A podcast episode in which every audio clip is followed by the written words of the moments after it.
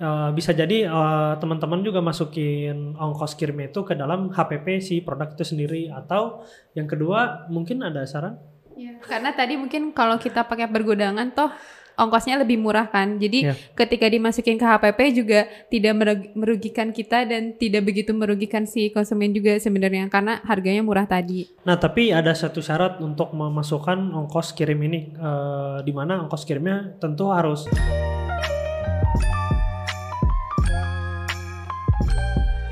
Ta ta ta ta ta ya. Tan ta ta ta ta ta ta. Ayo ayo ayo. yo. Halo, assalamualaikum warahmatullahi wabarakatuh. Balik lagi bersama kami di podcast ngobrol bareng You Business. Ada saya Salman Saya Tia. Saya Liana. dan pembicara tetap. Saya Nova. Oke, jadi Noval ini di dalam kontraknya selain jadi manajer Guyub tuh jadi pembicara tetap podcast You Business. Jadi kalau ke depan ke depannya teman-teman ngelihat podcast You Business gak ada novelnya, yakinlah itu podcast abal-abal, gitu ya. Oke, eh, teman-teman sekarang tepat pada saat podcast ini diambil kita mas- memasuki hari kedua, eh, hari kedua bulan Desember. Bagaimana resolusi tahun 2021? Tidak Eh, tercapai. 2020. Kayaknya Mungkin ada yang masih ngerjain resolusi 2020? eh, bahkan 2017 waktu saya kuliah nulis tuh belum terrealisasi sampai sekarang. Dulu nulis apa, Val? Contohnya yang bisa Oh. di-share ke teman-teman. Misalkan bahasa Inggris eh, bagus gitu. Sampai sekarang jelek aja Maksudnya bagus, bagus jelek dengan dengan ukurannya misalkan tes TOEFL, eh, IELTS misalkan. IELTS. Ya jangan disebut di sini. Ah, emang kenapa? ya nggak maksudnya belum belum nyampe nyampe gitu. Sekarang selisih dari targetmu berapa? Satu angka. Satu angka, satu angka. Satu, satu angka kan eh, formatnya dia empat lima enam tujuh Ah, Delapan, target itu berapa? eh, tujuh. Oh, berarti itu 6. Enggak lah, tujuh setengah. Enam, enam, enam setengah. Oke. Oke, Liana ada resolusi dari tonton sebelumnya? Suka ditanya tiba-tiba tuh kayak harus berpikir cepat. Oke. Enggak, anda, anda dijebak atau ini, ini bahaya sebenarnya ini Di mana ada bahaya, di situ ada saya. momen-momen bahaya ini. Apa ya? Oh ada sih. Aku dulu ini nargetin pengen naik sepeda dari rumah ke kantor. Cuma sampai hari ini belum tercapai. Pak itu resolusi 2020. apa apa kendalanya? Kalau boleh tahu? Kendalanya sepedanya keburu rusak. Terus kayaknya aku juga nggak latihan kan lumayan jauh ya dari rumah aku ke kantor. Jadi harusnya aku nyicil gitu kayak berapa kilo berapa kilo gitu. Tapi ya udah aku nggak nyicil juga gitu. Jadi nggak nyampe juga dari rumah ke kantor. Dan gitu. bahkan belum dimulai. iya dulu Oke, sempet terus sempet. udah gitu. Nyampe mana dari rumah? Eh enggak, saya nggak dari rumah cuma latihan-latihan naik sepeda doang. Oke, kalau Pia ada resolusi gak? Iya apa? Aku tahun ini mau baca buku sebenarnya. Terus? Terus maunya kan sebulan satu buku. Terus awal-awal nyobain. Terus cuma dapat satu buku 4 bulan. 4 bulan. Oh, satu buku dalam 4 bulan. Oke. Eh, kayaknya aku tahu ada resolusimu yang du- 2021 yang tercapai. Apa? Kerja di U Business ya. Iya. Itu kayaknya dulu pas SMP disuruh pengen kerja. Pada saat belum ada U Business-nya ya. Oke. Oke. Jadi Via ini termasuk eh, yang paling baru ya. Berapa lama berarti Vi sekarang di 10. Kok kamu ngitungnya masih minggu gitu sih? Karena kalau bulan cuma dua. Takut apa? apa? Terkesan Pengennya sudah lama banyak ya. gitu. Kalau bulan satu dua gitu. Oke, kayak ini ya, kayak ibu lagi hamil ya, masuk minggu ke berapa ya? Oke, gitu. Berarti eh, berapa minggu lagi kita syukuran, syukuran eh, Pia 4 bulan kerja di UB? 4 bulan. Iya. 3 bulan. Belum paham, belum kita paham. bukannya, Belum paham kan? syukurannya bukan yang per 4 bulannya. Iya. Ya 4 minggu lagi. 4 minggu lagi udah 4 bulan. Kan 16 Delapan bulan. minggu, 8 minggu. Oke. BTW eh, ngomong-ngomong soal eh, aktivitas kita di akhir Desember ini kan berarti sekarang tuh kita kurang dari 30 hari lagi nih mau berganti tahun. Kerasanya cepet gitu gak sih? Cepet banget. Cepet Ya, banget. Cepet banget. Eh, gimana novel kerasanya?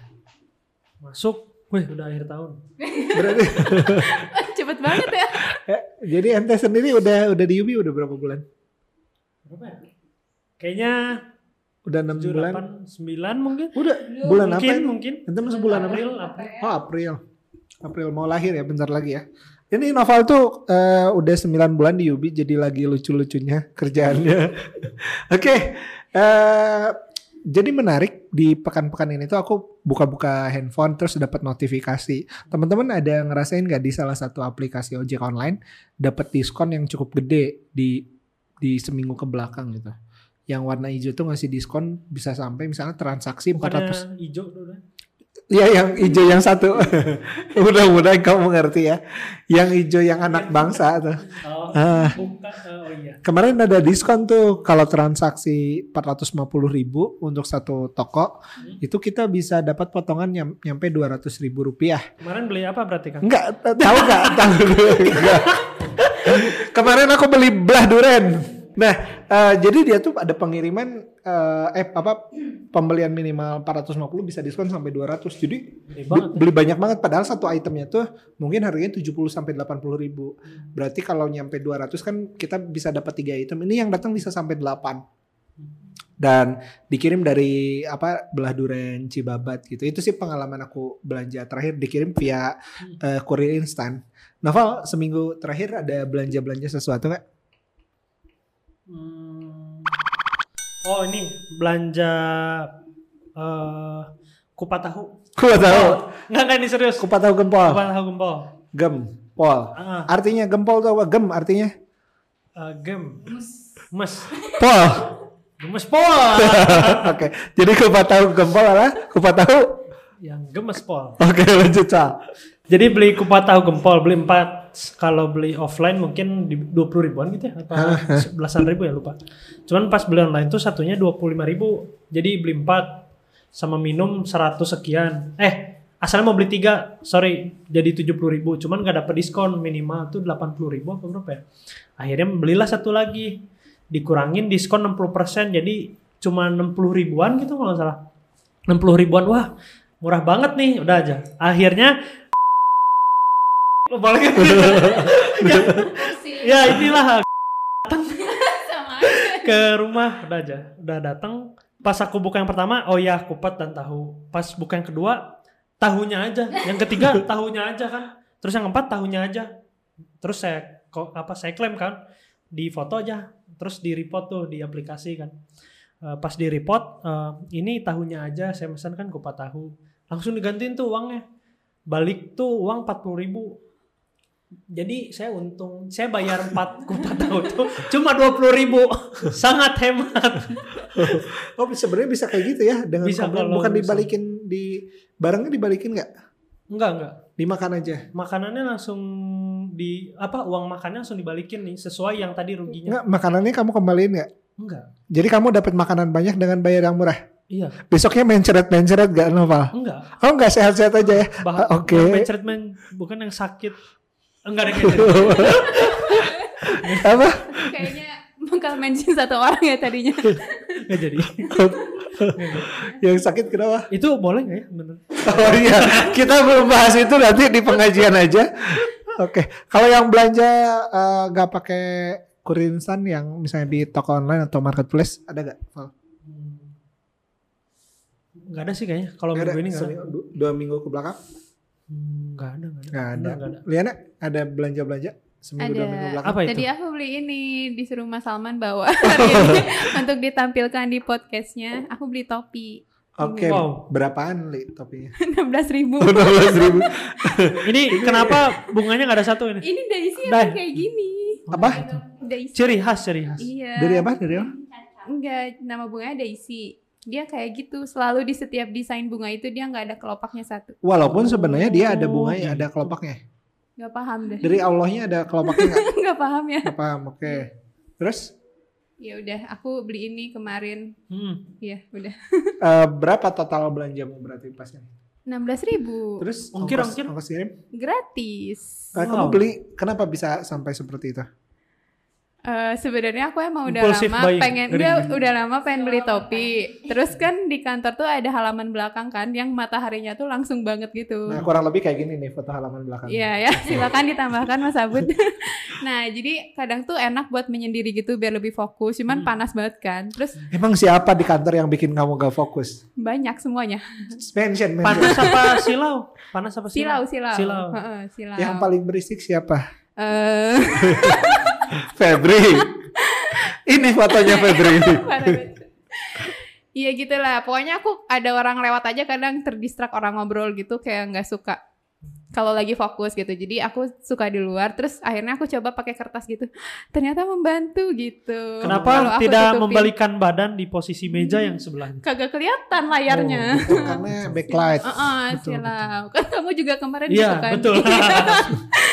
gitu. Nah, akhirnya eh, ada topi punya Mas Abud di mejanya Mas Abud. Mas Abudnya nggak masuk, terus aku pakai ah membantu gitu. Terus akhirnya Ada karyawan yang nggak masuk? Iya. Siapa namanya? Mas Abud. Yang ini orangnya. Oke. Iya, nah gitu akhirnya eh ya udah aku searching deh gitu kan di marketplace. Terus itu udah di halaman pertama, harganya murah, ada di Bandung juga. Terus ya udah langsung aku check out. Kamu pakai kurir instan apa eh, kurir biasa yang pengirimannya lebih dari Kurir sehari? biasa. Dan Biasa. itu nyampe besoknya tapi karena di Oke. Bandung. Oke. Tadi di Bandung, Mm-mm. jadi langsung. Kurirnya yang mana? Yang warna merah, yang warna orange, yang Nah, warna aku nggak tahu deh. Pokoknya pilih kurir yang gratis ongkir. Oke. Jadi nggak peduli ya kurirnya. Iya, yang penting mah gratis ongkir. Oh, kamu kamu konsennya ke gratis ongkir. Terus Iya. Pi, kamu ada belanja-belanja nggak sepekan dua pekan ke belakang? Kartu poker. Wah, Ini beli buat keperluan di store. Kartu poker dia beli. iya. Oke, gaple. Gaple. Oh beli ini stabilo sama kardus packing. Oke, eh, berapa kamu beli? Stabilo itu 200-an. Ribu? Oh, Iya. Aku beli banyak. Dan kardus itu 300-an. apa? Maksudnya eh, stabilo sebanyak itu buat apa? Buat menunjukkan kamu tukang baca apa gimana? Iya, karena aku mau semua isi buku. Oke. Karena ini mau ada eh, sesuatu influencer gifting. Ah. Terus itu kita eh, Kamu kasih stabilo influencernya biar buku-buku Oh. bisa di-highlight. sama mereka. Oke, kurang lebih kalau teman-teman mau beli Ubistar bisa masuk ke halaman ini. Oke. Lanjut lanjut, Pi. Lanjut apa lagi? Ya terus tadi stabilo terus kardus kardus buat bungkusin apa? Buat packingnya. Pegangin buku-buku tadi. Hmm. Kamu udah dapetin influencer yang tipe apa aja sih kalau boleh tahu? Tipe apa ya? Berapa banyak yang sekarang kamu udah dapet? Masih 50. 50. Oke, mik- mikro, makro atau mikro? Gimana cara dapetin influencernya? eh dilihat yang punya mungkin yang value-nya sama dengan Yubi gitu yang bisa eh, apa yang sejalan sama Yubi lah ya terus dia juga mau untuk eh, menerima gift ini dari Yubi Oke. Tadi total belanjamu nyampe 500 ribuan. Nyampe. Dikirim via apa? Eh, kurirnya nyampe berapa lama? Sorry. kayaknya beda-beda kalau stabil itu dia di Tangerang tapi dua hari atau tiga hari gitu kalau kardus dia di Bandung tapi agak lama Kenapa ya banyak banget pengiriman tuh dari Tangerang ya? Pabrik ya, baik pabrik. Pabrik atau gudang ya? Pabrik dan gudang sih. Oke, tadi kan kita sempat ngebahas beberapa hal tuh. Kamu belanja tahu gempol yang Kupat tahu. kupat tahu gempol, sorry. Yang kupat tahu gempol tuh termasuk kupat tahu yang enak ya di Bandung ya? Eh, yang lama sih. Yang lama, yang enak Maksudnya legend, legend. Enak gak? Enak. Oke, jadi teman-teman yang mau yang ke Bandung mau nyobain kupat tahu bisa ke kupat tahu gempol ya gitu. Nanti gunakan diskon tahu gempol X Noval untuk dapetin potongan harga. Oke. dapat tahu aja Tahu aja. Tadi jadi bisa jadi inspirasi tinggal komplain cerita itu mungkin Nova udah lepasin dulu tuh si kupatnya. Terus dia foto sisa tahunya doang. gitu. Ya yang udah-udah sih pengalaman kami seperti itu gitu. Oke, tadi kurirnya kurir instan. Terus eh kalau Liana nyampe sehari, Mm-mm, sehari. kamu nyampe varian. Sebenarnya yang kita yang aku amati yang kita pengen tuh produknya kan. Ya. Tapi kalau nungguin lama ngeselin juga gak sih? Kesel Agak, agak, banget. agak. Nah, Walaupun kamu nggak bayar. Tadi kan gratis ongkir. Iya. Tapi kamu pengen cepet. Iya. Oke, in case gini, Li, kamu nemuin satu topi harganya 9.000 tapi dikirim dari Tangerang sama 16.000 dikirim dari Bandung sama-sama gratis ongkir, kamu pilih yang mana? Tangerang. Oh, jadi kamu tetap rupiahnya lebih utama dibanding Eh, Eh, Tangerangnya gratis ongkir. gratis ongkir juga. Cuman mungkin nyampainya dua hari tiga harian. Oh iya, aku tetap eh tergantung sih. Kalau misalnya untuk cash topi yang aku apa nggak butuh-butuh banget cepet, ya aku akan tetap pilih Tangerang. Oke, jadi ada hierarkinya mungkin bisa orang pertimbangin waktu sampainya dulu, terus ada harga dan sebagainya. Cuman yang menarik juga kita sering lihat ada apa diskusi menarik mengenai kenapa orang lebih cenderung milih ongkir Hmm. eh, free ongkir dibanding diskon gitu. Nanti juga kita bisa bahas apakah memang seperti itu atau itu terlalu overrated. Maksudnya kita kita sepakat padahal sebenarnya beberapa orang ngitung dulu lebih murah yang mana kayak gitu ya. Nah, eh, ini kita ngom- lagi ngomongin jenis-jenis saluran distribusi yang akan kita diskusikan pada kesempatan kali ini. Tadi ada kurir instan, ada 3PL istilahnya. Ini istilah-istilah dalam dunia logistik. Oke, bisa dilihat ya teman-teman ada kurir instan atau express, ada 3PL, ada 4PL, ada gudang dan sebagainya nanti itu contoh-contoh beberapa istilah dalam eh, dunia logistik. Ada kita pernah bikin satu risetnya eh, pemetaan eh, saluran distribusi logistik di Indonesia. Nah, pada dasarnya kalau merujuk ke bagian sebelah kiri di bisnis model kanvas nih, mohon Mas Abu ditampilkan bisnis model kanvasnya. Di sini kan kita ngirim satu produk, produk tuh macam-macam. Ada produk fisik ataupun jasa, makanya di bisnis model kanvas tuh nyebutnya value proposition atau eh, apa sih yang kita janjikan. Kalau bahasa Mas Kukuh Indra Prasena yang ini nih, Mas Kukuh tuh cerita ke saya bahwa value proposition tuh sesederhana apa sih yang kita janjikan ke ke target marketnya kita atau ke customernya kita. Misal eh, kalau kita jualan topi, apa sih yang yang dikasih sama topi itu apakah topinya atau rasa teduhnya gitu ya? Eh, karena buat nyelesain masalah yang sama, buat ng- ngasih teduh tuh bisa pakai topi, bisa pakai tirai, ataupun pakai apa lagi biar teduh? Payung, Pawang hujan. payung teduh, pawang hujan. Oke, iya ya. Advance banget ya kenapa? Ternyata saya baru sadar kompetitornya penjual topi itu adalah pawang hujan gitu ya. Oke, berapa ya tadi pawang hujan? Nah itu kan macam-macam. Sejuta. Kemarin itu sejuta setengah. Pernah Enggak, enggak, saya ditawarin gitu kan. sama siapa? Sama kan eh, kalau nyewa venue outdoor, kadang si yang punya venue-nya nih ada pawang hujannya nih sejuta setengah. Terus dia harus nunggu dari malam dulu sampai pagi kan sambil Ah. dia nggak tahu nggak tahu ngapain sih. Kalau yang indoor? yang indoor pawang ular itu. Bukan. Bukan maksudnya kalau apakah mungkin di beberapa hitungan sewa ruangan Oh, indoor. tertutup sama outdoor tapi teduh lebih murahan outdoor teduh pas pawang hujan. Jadi mungkin dia memilih kenapa outdoor tuh nih biaya pawang hujan sama biaya venue-nya lebih murah outdoor nih. Tapi edit edit add on-nya tuh pawang hujan gitu ya. Oke, menarik. Teman-teman yang bisnis pawang hujan mohon ikut komentar di kolom komentar ya. Silakan promo eh, sebisa teman-teman. Eh, kita balik lagi tadi yang pengen kita deliver ke ke customer itu adalah value bisa bentuknya barang ataupun jasa. Nah, bagaimana customer kita tahu ada value kita atau produk kita atau jasa kita tuh lewat customer relationship atau saluran promosi. Mereka bisa tahu produknya kita. Nah, supaya si value tadi nyampe ke konsumen itu pakai channel atau saluran distribusi yang akan kita diskusikan sekarang. Nah, ngomong-ngomong saluran distribusi, Li eh, dari yang udah kamu pelajari saluran distribusi itu ada apa aja sih kalau boleh tahu? Oke, jadi kalau misalnya teman-teman udah baca buku Buka Langsung Larisnya Mas Jaya Setiabudi, itu kan ada yang Di halaman ke- 352 sebelah kanan atas gitu ya. Oke. di halaman 82 sampai 90. Oh, salah ya? Iya, Oh iya. Iya, ah, Iya. saya tidak sehandal Ustadz Adi Hidayat. Oh. Nah itu tuh ada poin yang kelima di tujuh formula tuh kan saluran distribusi sama dengan promosi. Nah Mas Jaya juga ngejelasin kalau ada sembilan saluran distribusi dasar. Yang pertama adalah apa Pi? Distribusi konvensional. Udah belajar ya Mas Salman. Oke. Iya, jadi kalau konvensional tuh kan yang apa langsung dari retail, dari produsen retail terus ke konsumen itu yang eh, konvensional. Terus yang kedua itu ada ada franchise. nah, franchise itu kan gimana pi kalau franchise? Mau tahu franchise? Mau. Jadi franchise itu kan mungkin kita lihat nih, eh, mungkin sering lihat juga nih ada kayak McD, French fries. Oh, itu itu salah satu menu tapi McD-nya adalah franchise. Kenapa franchise? Karena eh, ada yang punya merek McD-nya dan ada yang membeli merek McD itu. Jadi si yang punya mereknya namanya franchisor.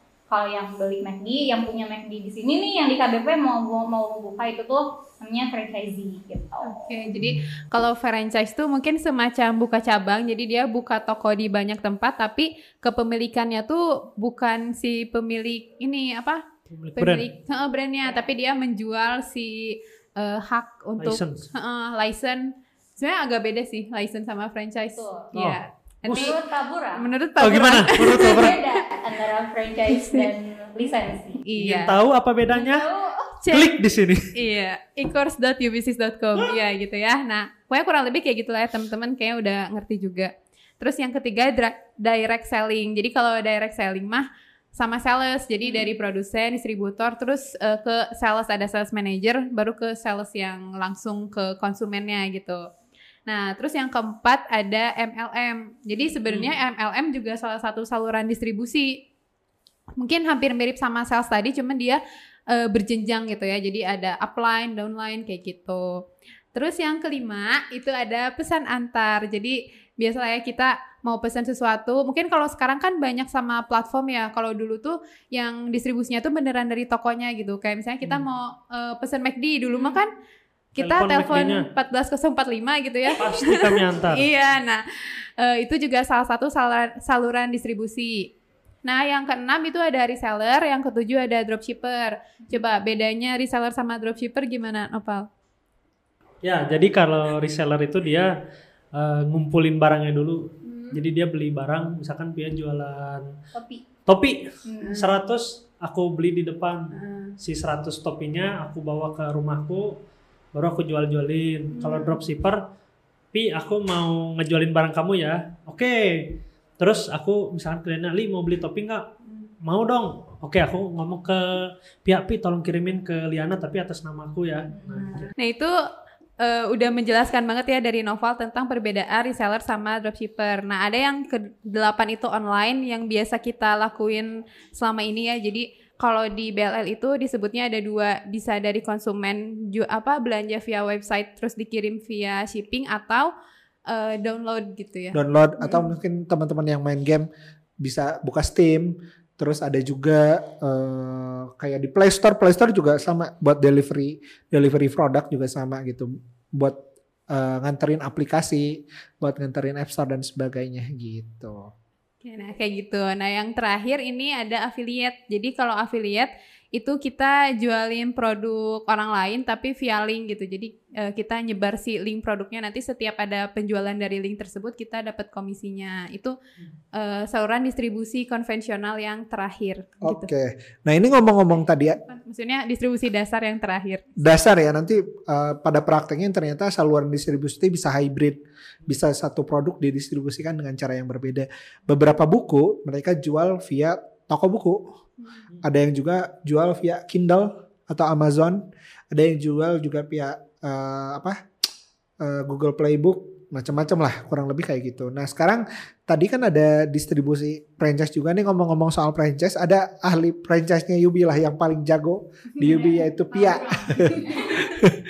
Oke, jadi kita di sebulan dua bulan ke belakang kita lagi bikin e-course namanya How to Franchise Your Business, di mana project leadnya itu Pia sendiri. Mungkin Pia bisa cerita dikit mengenai eh, franchise.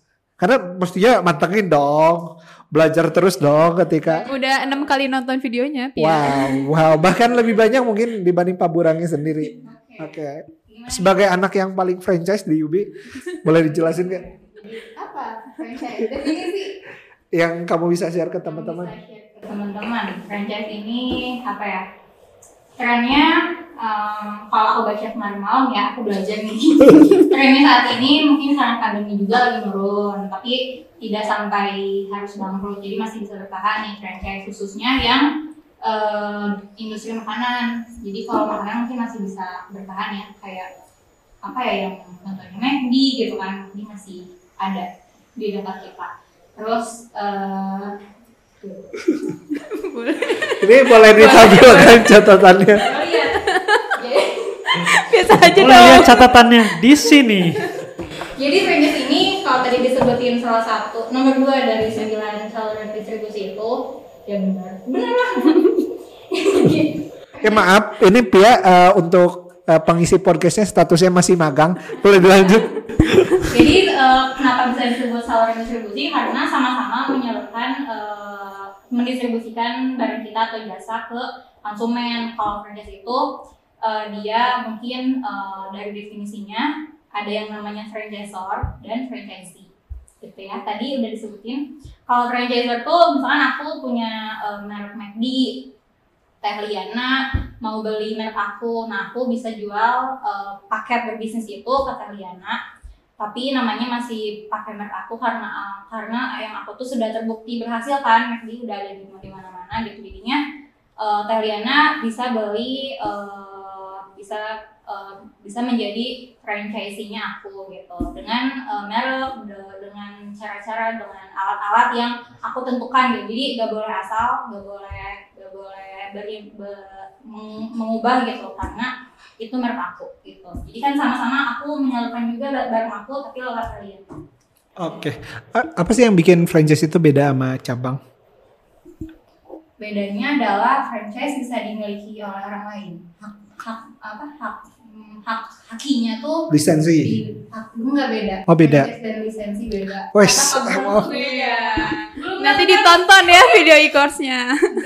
Videonya di situ beda sih franchise dan lisensi Sebelumnya kita tonton dulu definisi franchise dari Pak Burang.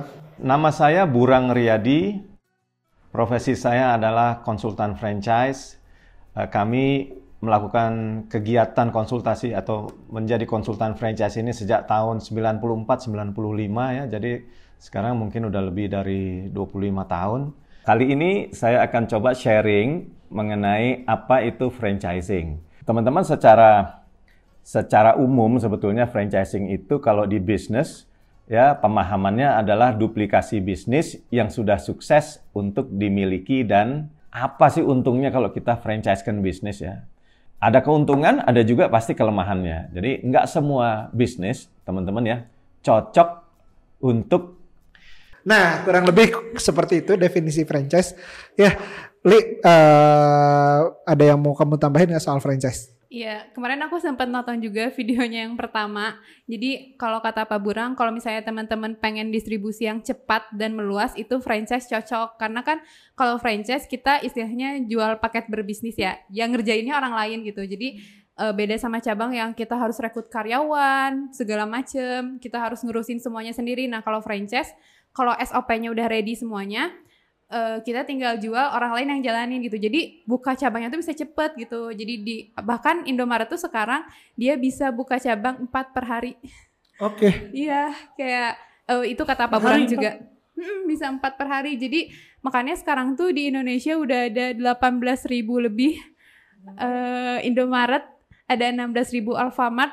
Itu Indomaret dari 1997. Dia itu karena emang karena SOP-nya udah ready semuanya, cara berbisnisnya udah jelas. Jadi ketika Pia beli misalnya franchise aku, ya udah Pia tinggal jalanin aja gitu. Oke. Gitu sih. Dan rata-rata Indomaret tuh didistribusikan dengan cara franchise ya, bukan cabang ya. Nah, kalau kata Pak Burang ada lagi sebenarnya materinya bagus banget ya teman-teman. Coba ya kalau tertarik dengan franchise. Jadi eh, kalau kata Pak Burang itu jadi nggak semua bisnis, teman-teman ya, cocok untuk tipsnya kalau kita mau buka franchise itu jangan semua di franchisein. Jadi ada sistem 40 60. Jadi kalau bisa misalnya 60 punya kita, 40 di franchisein. Eh, termasuk ternyata Indomaret juga gitu. Jadi Indomaret juga 60 persennya tuh milik Indomaret sendiri, 40 persennya baru milik eh, si franchisee. Karena tadi ya mungkin dia emang cepat dan meluas, tapi kan di luar kontrol kita tuh. Jadi kalau bisa mah, kalau kita tujuannya jangka panjang, kita juga harus punya yang milik-milik kita sendiri gitu. Oke, ngomong-ngomong soal 40-60 itu di Cianjur ya ada diskusi dua orang ngomong kayak gini. Kita bisnis bareng yuk, eh, 50-50 aja, eh, ente 40 saya 60. Cuma gitu. gitu. Apa diskusi 50-50 itu ente 40% saya 60%. Nah, ngomong-ngomong soal saluran distribusi lagi itu aku perhatiin ya di beberapa kali kesempatan aku belanja di salah satu marketplace kok pengiriman tuh banyak banget dari Tangerang ya. Apakah semua benda di dunia ini diciptakan di Tangerang, Novel? Apa gimana? paling apa Tangerang mungkin kan kawasan industri eh, banyak pabrik-pabrik di sana terus eh, kalau ada pabrik pasti ada gudang gitu jadi kan untuk menaruh material yang mau diproduksi di pabrik ditaruh di gudang dari Jakarta misalkan Tanjung Priok ditaruh dulu di gudang eh, sementaranya baru dimasukin ke pabrik karena nggak mungkin pabrik itu punya mungkin punya gudang sendiri cuman akan sangat besar costnya kalau dia memiliki gudang itu eh, eh, Dedicated sendiri untuk dia. Dedicated untuk dia doang gitu. Karena ada idle space yang mungkin bakalan kosong bakalan gak maksimal lah secara bentuk gudang. Kan kotak kan bentuknya. Kalau maksimal tuh apa? Segi 8 ya?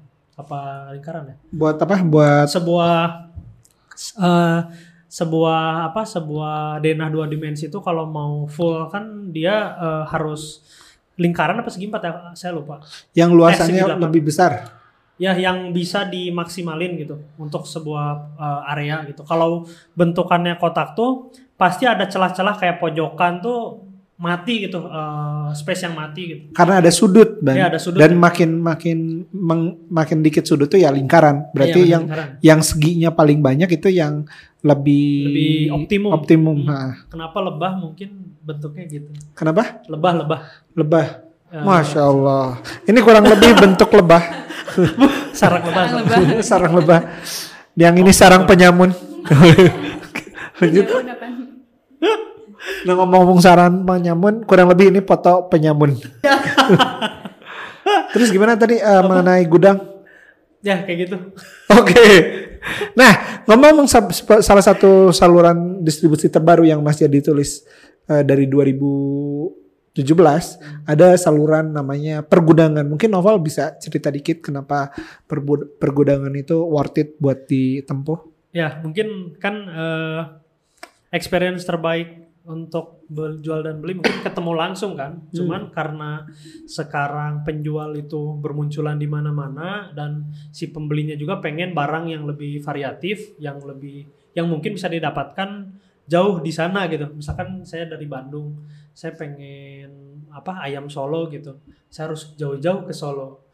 Eh, sedangkan itu eh, nggak mungkin gitu karena kosnya lebih besar daripada beli barangnya akhirnya Jadi eh, sekarang tuh ayamnya disimpan tuh di gudang ya, bukan di kandang.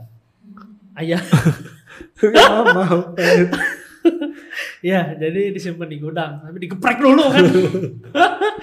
Di jadi eh, kenapa diciptakan pergudangan? Supaya tadi ayam tadi bisa dibawa lebih dekat ke area yang eh, dekat dengan customernya eh, dengan eh, apa namanya perlakuan terhadap barangnya itu eh, safety gitu. Misalkan tadi ayam solo gitu. Bisa jadi ayam tadi eh, dibawa ke gudang di gudang diber- dilakukan perlakuan secara khusus ya dimasukin ke freezer supaya lebih tahan. Jadi waktu didistribusin tuh deket banget ke tempat yang customer pengen beli. Akhirnya lebih enak dinikmati kan. Daripada aku pesen dari Solo bisa jadi basi gitu. Ada kemungkinan besar lah basi kalau dia dikirim secara eh, logistik yang biasa gitu. Kalau mau cepat kan sebenarnya pakai pesawat cuman costnya tinggi. Maka banyak eh, titik-titik yang dibuat untuk eh, pergudangan. Satu fungsinya tadi. Kemudian yang kedua mungkin kalau orang mau jualan di luar daerahnya misalkan di saya mau jualan nih di Sumatera. Bisa tuh oh saya jualan topi nih produksi di Bandung. Aku mau jualan di Sumatera ah. Kalau aku kirim ke Sumatera kok gede banget nih ongkosnya Sepakat, ongkir tuh kadang-kadang jadi big deal. Misalnya ini 16.000 ribu nih, tapi kamu ongkos kirimin 16.000 ribu juga, bisa dapat dua tuh sebenarnya. Betul. Kalau Pak Wintor bilang, eh, saya mau eh, keripik Garut, apa keripik sale pisang dibeli di Papua tuh sama harganya sama saya beli di Bandung gitu. Oke. Itu kan eh, apa namanya tujuan eh, menurunkan ongkos logistik. Nah salah satunya tadi pergudangan supaya eh, ongkos logistiknya semakin murah. Jadi kalau di Guyup sendiri kan kita memakai idle space-nya dari truknya JNE, service truckingnya JNE untuk penjemputan barang yang akhirnya eh, misalkan Pia jualan eh, ini gitu ya, jualan topi. JNE bisa jemput ke rumah Pia secara gratis, dibawa ke pergudangan. Nah, barulah dari pergudangan ini kalau keluar bayar. Cuman bayarnya pun bisa jadi lebih murah karena kita eh, tercentralize gitu, volumenya tercentralize di satu gudang. Eh, pihak logistik mendapatkan kepastian bahwa barangnya akan terkirim, maka harganya pun bisa ditekan gitu lebih murah. Kalau di kita contohnya harganya bisa 9.000 se-Jawa, kemudian bisa juga 9.000 eh, se-Sumatera gitu. Coba kalau yang di lain berapa? Ada yang tahu nggak? Wah nggak tahu. Ini teman-teman bisa cek harga lain ya. Iya udah. Eh, boleh dibandingkan. Boleh dibandingkan.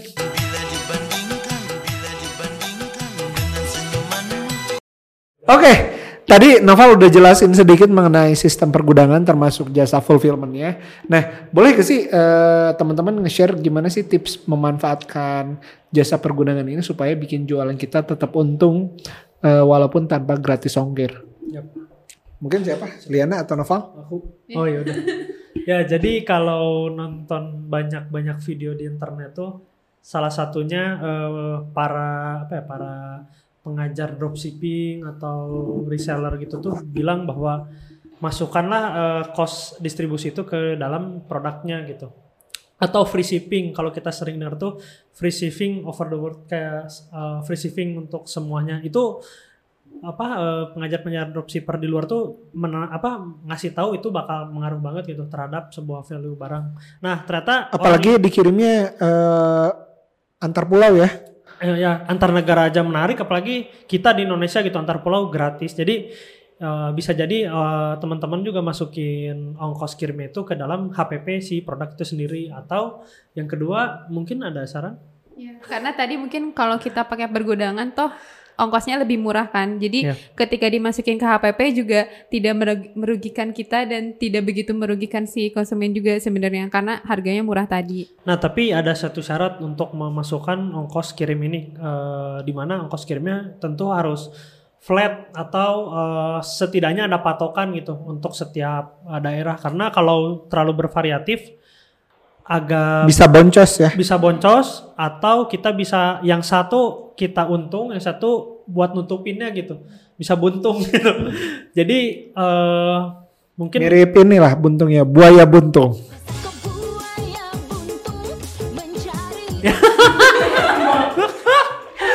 Eh, alhamdulillahnya gitu ya kalau di Guyup eh, kita ongkosnya eh, udah flat rate gitu. Jadi teman-teman bisa masukin ongkos kirim ke ongkos HPP-nya. Kita punya ongkos 9.000 tuh sejawa atau se-Sumatera. Coba teman-teman bayangin deh kirim barang dari Jakarta ke Bandung. Kurang lebih ongkosnya bisa mungkin di atas 10.000 ya, 12.000, 15.000 ber- bervariatif juga. Itu baru ke Jakarta gitu. Gimana kalau dari Jakarta ke Surabaya gitu. Hmm, Itu bisa 20 ribu tuh. Coba Ngomong- pakai kita tuh. Murah Ngomong-ngomong katanya jarak dari Jakarta ke Surabaya itu sama kayak dari Surabaya ke Jakarta. Iya, beda dikit sih. Beda dikit ya? Oke. Lebih cepat mana Jakarta ke Surabaya sama Surabaya ke Hmm, Jakarta? Tergantung, Tergantung apa? tergantung mood. Oke. Cuman ngomong-ngomong soal itu, beberapa orang juga kadang memilih harga lebih mahal, tapi dikirim dari, misalnya kita tinggal di Bandung nih, dekat. kita udah, eh, saya nggak apa-apa deh mahalan dikit, tapi bisa bisa ongkirnya murah. Misal contoh eh, di Tangerang dikirim eh, harga produknya sepuluh ribu, eh, tapi ongkirnya sebelas ribu, jadinya total dua belas ribu. Tapi kalau di Bandung misalnya harganya kat- katakanlah 12.000 ribu, ongkirnya 7.000 ribu. Nah saya punya kecenderungan pilih yang Bandung walaupun ujungnya sama karena dia eh, Lebih waktu cepat. tempuhnya lebih cepat. Nah itu juga banyak variabel. Jadi mungkin tadi eh, kenapa di Indonesia itu eh, free ongkir itu cukup pas karena banyak lokasi yang ongkirnya justru nggak murah. Dan solusi e-fulfillment ini harusnya menjadi jawaban untuk ong- ongkos kirim tersebut ya. Gitu ya. Oke inilah sekian banyak uh, pilihan e-fulfillment yang dapat teman pilih. Yang pertama itu Guyup yang kedua itu Gudang Yubi Yang ketiga gudang you bisnis. Silakan boleh dipilih di antara ketiga yang tersebut. Oke. Nah, eh, teman-teman kurang lebih kayak gitu materi saluran distribusi yang eh, ada sekarang. Mudah-mudahan mencerahkan walaupun banyak hal yang tidak berguna, walaupun tidak tetap hidup walaupun tidak berguna gitu ya.